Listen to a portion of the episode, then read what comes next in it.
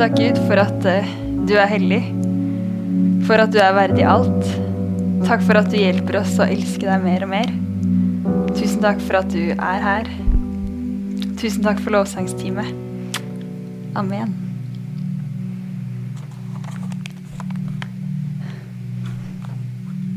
Da var det tid for tale. Ah, det var skikkelig, skikkelig fint. Var, ja, jeg vet ikke om dere, men jeg syns det Jeg ble litt sånn Hva å si Berørt av lovsangen. Men jeg er selvfølgelig også klar for å tale litt. Og hva skal man starte med, tro? Ah, her, vet dere. Jeg har med litt huskelapp. Det må jeg alltid gjøre. Jeg skulle ønske jeg var en sånn person som bare er sånn Ah, Gud, hva sier du i dag? Og så kunne prate en halvtime. Men uh, det er jeg ikke. Ikke i det hele tatt. Elsker planer. Og temaet jeg skal snakke om i dag, det er at vi tror på Den hellige ånd, som fyller oss med takknemlighet. Og jeg syns det er veldig koselig å få lov til å gjøre det. Og jeg tror jo mange av dere vet litt hvem jeg er. Og så er det sikkert mange av dere som har sett ansiktet mitt, men egentlig ikke vet hvem jeg er. så er det sikkert noen som bare ikke har peiling på hvem jeg er. Så jeg kan jo si litt om meg selv. Um, heter Emma. Jeg er 24 år, og som Kjetil sa, så er jeg halvveis i lærerstudiet. Gift med en kjekk kar på den raden der, som heter Simon. Han er veldig glad i oppmerksomhet. ja, Han må få litt skryt likevel, ikke sant. Eh, vi har akkurat flytta til et skikkelig fint sted i Stokke. Det er jeg kjempetakknemlig for, med liksom åkre overalt, gåtur til vannet. Eh, og ellers så er jeg jo engasjert i ungdomsarbeidet vårt, FRIK. Hopp, hopp. Eh, og ja, det var vel egentlig nok om meg, tenker jeg. Vi må snakke om det som er litt viktigere her. Gud med stor G. Og jeg tror jeg bare starter med å ta en liten bønn, jeg. Helligånd, tusen, tusen takk for at vi får være samla her. Takk for at du er den som gir oss visdom og fyller oss med glede og fred. Takk for at vi får være dine barn i dag, og jeg bare ber deg om å hjelpe oss til å se mer av deg. Og denne talen handler jo om takknemlighet, og det har jeg faktisk snakka om her en gang før. Men det var i koronatida, så da var det ingen andre som var her enn meg og kameramannen og podkast-teamet. Så når jeg fikk vite at jeg skulle få ha dette temaet en gang til, og ikke bare ti minutter, så ble jeg kjempeglad, fordi dette er et av mine favorittemaer. Og sist gang så tenkte jeg jeg kan ikke skrive denne talen alene. Jeg trenger litt sånn smarte folk som kan gi meg litt visdom, så jeg spurte folk i kirka hva er takknemlighet. Men den gangen her tenkte jeg nå må jeg gjøre noe annet. Det kan hende noen har hørt den podkasten. Så da tenkte jeg hvilke mennesker i denne verden er helt ærlige om sine dypeste, innerste tanker? Det er to typer mennesker. Det er fulle folk og barn. Eh, og jeg jobber på SFO, så de var litt lettere tilgjengelige for meg. Eh, så jeg spurte noen av SFO-kidsa altså, hva er takknemlighet. Og da kom det en jente og sa Takknemlighet, det føler man når man får gaver på bursdagen sin. Det er jo sant. Det syns jeg var et veldig bra svar. Men så kom det en jente til, og hun bare Men det er noe mer enn det! Og da tenkte jeg venta på et skikkelig gullkorn. ikke sant? Og hun bare Det er noe man føler når man får gaver. Som ikke er på bursdagen også! jeg bare, ah, det er sant. så prøvde jeg å spørre litt flere, men de visste ikke hva takknemlighet var. Så på grunn av dette her så måtte jeg jo da ty til litt mer enn SFO-barna mine. Jeg måtte ty til Wikipedia, den beste kilden. jeg blir jo naturfaglærer, da, så det er jo, ja, egentlig så syns jeg dette er litt forferdelig. Men jeg syns det faktisk var en veldig bra quote, for her står det Takknemlighet er en positiv følelse eller en holdning som kommer av verdsettelse overfor giveren av gode ting en har fått. Eh, og jeg syns det er så bra sagt, fordi ja, Takknemlighet er en følelse, men det er også en holdning. Altså det er et standpunkt man tar fordi man verdsetter noe eller setter pris på noen. Eh, og jeg vet ikke med dere, men jeg syns i hvert fall den siste frasen her, verdsettelse overfor giveren av gode ting, det høres jo ut som en bibelvers. Det gjør det! um, og vi har jo i denne verden mange folk som kan gi oss gode ting. Men det er jo liksom det det handler om, da, at giveren med stor G er Gud for oss. Og siden takknemlighet ikke bare er denne positive følelsen, men et standpunkt, så blir det jo i stor grad et valg vi tar. Ønsker vi å inkludere takknemlighet som en del av livet vårt, eller ønsker vi ikke det? Eh, og dette er jo som med alle andre holdninger i livet. For eksempel, eh, hvis jeg går på skolen forbi kafeen vår, der selger de alltid digge scones. Det er det beste jeg vet, med sånn eh, hvit sjokolade og tranebær. og De er kjempegode. Men de koster jo litt penger. Så hvis jeg en dag enten ikke har med lommebok, eller har tenkt at ok, nå skal jeg spare penger, og gå forbi denne kafeen, så lukter det kjempegodt, så tenker jo jeg at ja, ja, da får jeg vente. Og så går jeg forbi. Jeg stjeler ikke scones. Det er en holdning jeg har. ikke sant? Jeg har lyst på scones, men jeg stjeler den ikke. Og dette er jo helt opplagt. Eh, det er en holdning som er grodd fast i alle oss. Det er en samfunnsnorm. Vi stjeler ikke en kanelbolle selv om vi ikke har penger til den. Så hvorfor er dette så opplagt som en holdning, mens takknemlighet kan være så vanskelig? Jeg har så lyst til at takknemlighet skal være like opplagt for meg som at jeg ikke stjeler scones, på en måte. Det var kanskje et dårlig bilde på det, men dere skjønner hva jeg mener sånn litt, håper jeg. Tenk da, om hver gang vi møtte på et eller annet som irriterer oss litt. Den traktoren som alltid kjører i 40 når du har dårlig tid til jobb. Den kommer hver gang! eller det røde lyset. Eller den litt irriterende kollegaen som alltid har glemt et eller annet som du må ordne. ah, da trener jeg på å ikke la min morgen eller min dag bli ødelagt av frustrasjon over dette. For jeg vil at dette skal være en holdning jeg har. at Vet du hva, det er ikke så farlig. Det går bra.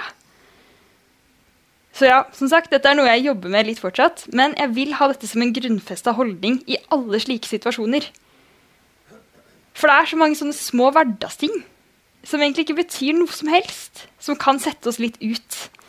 At vi går da fra den gleden og freden vi egentlig er kalt til, til frustrasjon og sinne. Og noen ganger så er det kjempelett, og andre ganger så feiler jeg og må prøve på nytt. Men heldigvis så har vi jo et helt liv da, på å øve oss på det her. Så hvordan kan man endre disse følelsene da, som man kan få med irritasjon, frustrasjon og sinne som står i kontrast med takknemlighetens glede og fred? Er løsningen at alle sammen rundt bare må ta seg sammen og bli litt mer ordentlige mennesker? Altså ja, delvis. Selvfølgelig, hvis alle hadde vært litt mer like Jesus eh, så hadde det jo vært færre ting som var urettferdig og dust. Men vi lever jo ikke i en fullkommen verden enda. Eh, så vi må ta de menneskene vi har fått rundt oss, og de situasjonene vi er i. Vi må lære oss å elske folk med det de har av både gull og gråstein. Kanskje prøve å lete mest etter gull. Eh, og dette er jo en kamp, men vi er heldigvis ikke alene i det her. Vi har fått våre våpen fra Gud. Så skal jeg lese fra 2. Korinter 10, 4-6. Ah, takk. Våre våpen er ikke fra mennesker, men har sin kraft fra Gud, og kan legge festninger i grus. Vi river ned tankebygninger og alt stort og stolt som reiser seg mot kunnskapen om Gud. Vi tar hver tanke til fange under lydigheten mot Kristus. Vi tar hver tanke til fange under lydigheten mot Kristus. Et av fiendens beste knep er å stjele tiden i tankene våre. Men når vi har Den hellige ånd, så får vi kraft til å ta disse tankene til fange og snu om på perspektivene våre. Og jeg tror dette er en stor nøkkel i takknemlighet. Og jeg har lest en bok som heter Crucial Conversations. Og dette er ikke en kristen bok, dessverre, men den er kjempebra. Eh, og den snakker om det her. Hvordan det er de historiene vi forteller oss selv i tankene, som påvirker det vi føler. Og det synes jeg var utrolig interessant, for jeg har alltid tenkt at det jeg føler, det påvirker hvordan jeg ser på verden. Men det er eh, vitenskapelig bevist at det er motsatt. Så la oss gå tilbake da, til dette eksempelet med kollegaen som alltid er sent ute med et eller annet for jobben. Hvis historien jeg forteller meg selv, er at denne kollegaen tenker bare på seg selv. Han bryr seg ikke om all den ekstra jobben jeg får, og mest sannsynlig så bryr han seg egentlig ikke så mye om meg.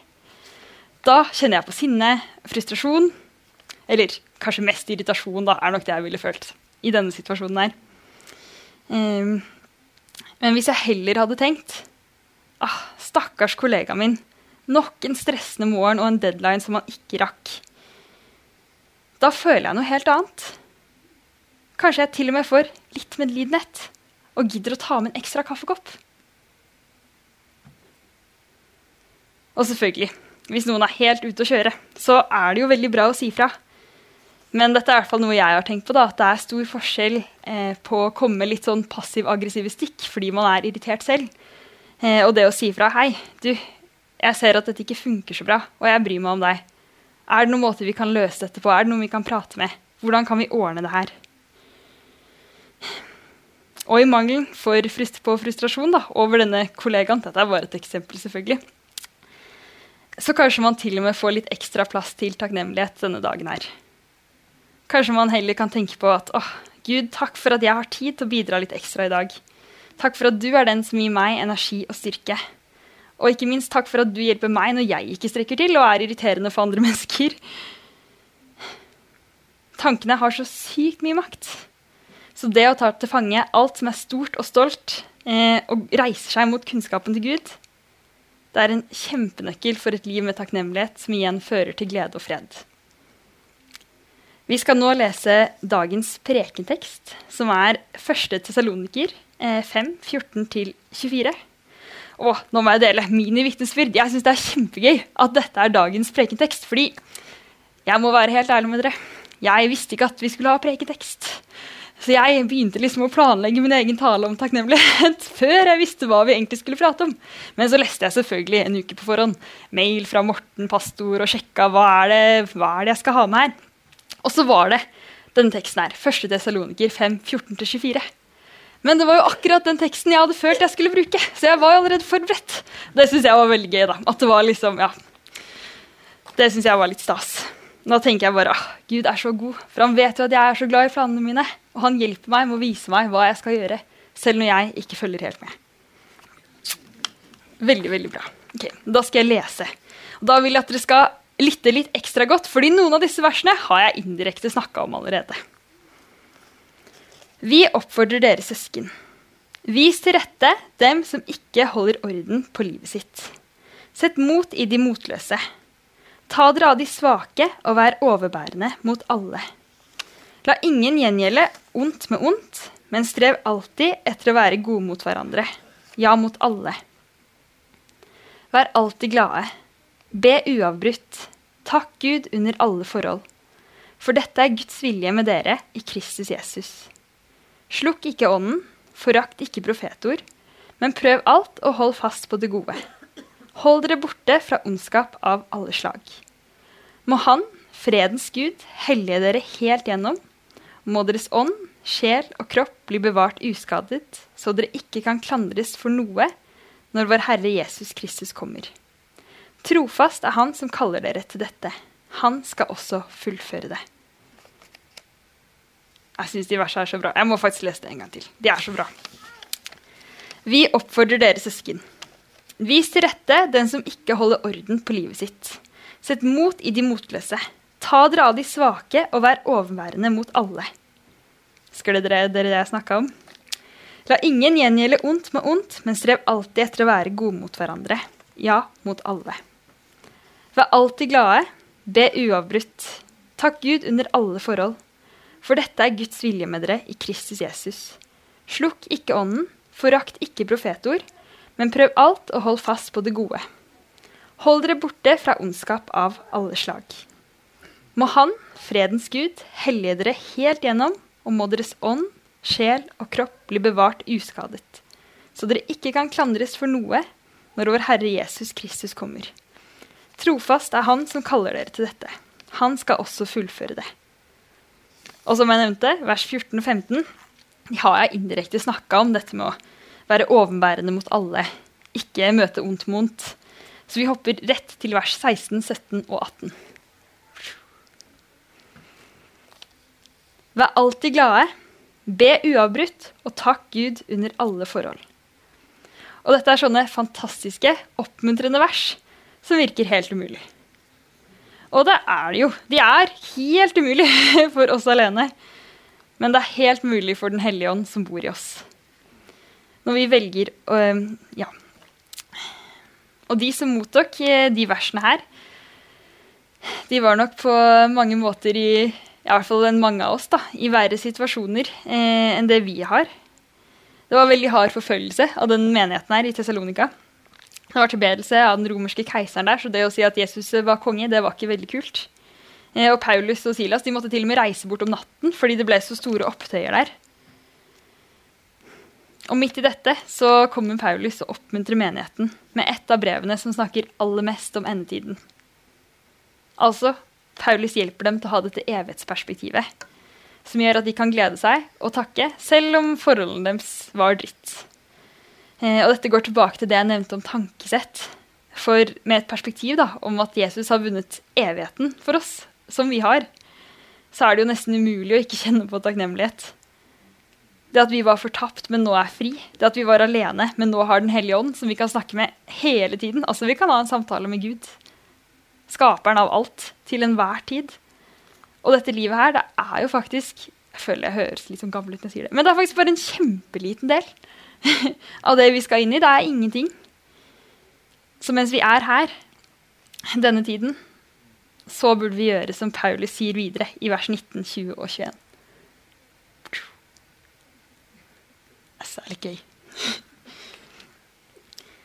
Slukk ikke ånden, forakt ikke profetord, men prøv alt og hold fast på det gode. Vers 19. Slukk ikke ånden. Eh, og når jeg leste dette her hjemme, så fikk jeg et bilde av peisen min. Eh, og som jeg nevnte, så har jeg flytta til Stokke, i et hus som er veldig koselig, men litt dårlig isolert. Eh, så da må jeg fyre. Og jeg er ikke så veldig vant til å passe på en peis. Um, så jeg har opplevd ganske mange ganger at uh, jeg kommer hjem, setter på peisen, og så glemmer jeg den, og så blir det kjempekaldt. Det har skjedd altfor mange ganger. Um, og da må jeg starte på nytt. ikke sant? Da må jeg legge på vedkubbene, lage sånn tårn, tenne briketter, tenne på. Så tar det litt tid før det blir varmt igjen. ikke sant? Og jeg tror det er litt det samme med ånden også. Ånden vår trenger mat. Trenger at vi husker på å legge på vedkubber. Vi trenger å ha den tiden med Gud. Vi trenger å høre Hans ord. Vi trenger å sitte i Hans nærvær. Vi trenger å sitte med litt lovsang, prate med ham, takke han, fortelle om de tingene vi syns er vanskelig. Vi trenger et fellesskap med folk som har ånden. Og dette er ganske basic, men jeg tror det er viktig å si det likevel. Og jeg tror at jo mer vi prioriterer av dette i livet, jo større flamme så får ånden vår, og jo lettere er det å være takknemlig. Og det å glede seg uansett hvilke forhold man står i. Så da er jo spørsmålet, da. I en hektisk hverdag, tar man seg tid til å fyre opp ånden sin? Husker man å legge på vedkubbene før det begynner å bli kaldt? Eh, og dette er noe jeg har si, eh, tenkt mye på den siste tida. Eh, for de siste to åra har vært en tid hvor jeg har, ah, jeg har ønsket, og jeg tror jeg har gitt også veldig mye varme til de rundt meg, jeg har og har hatt et veldig brennende engasjement for ungdommer og barn i jobb og frivillig. Eh, og gått veldig all in. og et sånt, ja, Jeg har bare hatt så utrolig stort ønske om at folk skal møte Jesus. Eh, brukt masse masse tid på dette her. jeg har prøvd å være kjempetydelig og prøvd å lytte veldig. Ah, Gud, hvordan kan vi møte folk? Hvordan kan de unge få lov til å bli kjent med deg? Um, og det har vært veldig riktig, fordi for eh, et par år siden så brukte jeg to år på bibelskole, og da fikk jeg masse ved. ikke sant? Jeg hadde så mye å gi. Jeg hadde jo to år hvor jeg bare fikk input av han. Og så, når tiden har gått, eh, og jeg heller studerer og jobber i stedet for å være på bibelskole, så har det blitt færre og færre vedkubber til meg. Og da har det vært kanskje mindre å gi også. Eh, og det har jeg begynt å kjenne litt på kroppen, og det, spesielt etter at jeg hadde korona. Og det er jeg egentlig litt takknemlig for. Fordi jeg tror kroppen vår kan være ganske genial. Den viser oss hva vi trenger. Den viser oss hvilke begrensninger vi har. Og jeg tror helt ærlig så hadde ikke jeg vært smart nok til å skjønne dette selv, at jeg trenger å legge på vedkubber. Hvis ikke jeg hadde blitt kvalm og sliten og ikke følt meg så bra. Eh, fordi jeg går all in i alt. Men det at jeg har kommet på dette punktet, da, gjør jo at jeg heller lengter etter tid med Gud alene. At jeg heller ønsker å høre tale for meg selv. At jeg ber masse. Og den siste tida har jeg fått så mange flere ord fra Gud. Jeg kjenner hans nærvær så mye tidligere fordi jeg setter av den tiden alene. Um, og hvis man har altfor mye som skjer rundt, og altfor mye engasjement, så er det i hvert fall for meg da, kanskje lettere å bare sette på TV når man kommer hjem, fordi man er så sliten så man orker ikke finne fram Bibelen. Og det viktigste er jo det forholdet vi har til Gud først. Det er jo basic, men jeg tror man trenger å høre det noen ganger. Eh, fordi man har så lyst til å gi, men hva skal man gi hvis ikke det er Gud som har gitt oss først? Um, så ja. Så jeg følte jeg skulle nevne det, da, at hvis noen kjente på det, at kanskje man begynte å føle seg og litt stort år, men nesten litt utbrent og litt tappa, så er det tid for å ha det litt gøy med Gud. Tid for å puste. Tid for å kose seg med han. Og Gud har gitt oss løfter, som det står i vers 20. Forakt ikke profetord. Men da har jeg lyst til å si stol på det kallet Gud har for deg. For det er der framme. Og det å ta en pause innimellom for å ha litt tid alene med Jesus, det gjør ikke at det kallet man er skapt for, blir borte. Nei, jeg tror det er helt essensielt for at man skal bli klar for alle de tingene som Gud har lagt på hjertene våre. Og jeg tror også det gjør det mye lettere å holde på vers 21. Prøv alt og hold fast på det gode, fordi vi er skapt for å leve gode liv. Og vi klarer ikke det hvis vi er utslitt og ikke har tid til å kose oss litt. Det må jo være attraktivt å ha lyst til å henge med Gud, ikke sant? Um, og jeg tror også det er en nøkkel for å fullføre vers 22. Altså å holde seg borte fra ondskap. Fordi hvis livet er fylt med gode ting, og man tar med Gud i det man elsker å gjøre, så er det så lett å kjenne på takknemlighet til han. Og da kan han bli den gode giveren som vi verdsetter, og som skaper et liv fullt av takknemlighet. Lovsangstime, dere kan gjerne komme opp. Dette er i hvert fall noen nøkler som jeg føler har vært veldig nyttig, og jeg håper at det kan være nyttig for noen av dere også. Jeg skal ta og be litt inn i de siste versa, vers 23 og 24. Helligånd, jeg bare ber om at du, fredens Gud, skal hellige alle her og meg helt gjennom. At vår ånd, vår sjel og kropp skal bli bevart uskadet, så vi ikke kan bli klandra for noe når du kommer. Trofast er du som kaller oss dette, og tusen, tusen takk for at det alltid er du som fullfører det du gir oss. Jeg bare ber om at vi skal få leve et liv med takknemlighet og glede og fred. I Jesu navn. Amen. Takk for at du hørte på vår podkast. Har du spørsmål eller ønsker du å vite mer? Søk oss på vår nettside tonsbergfrikirke.no. Du er også velkommen til kirke på Brygga i Tønsberg.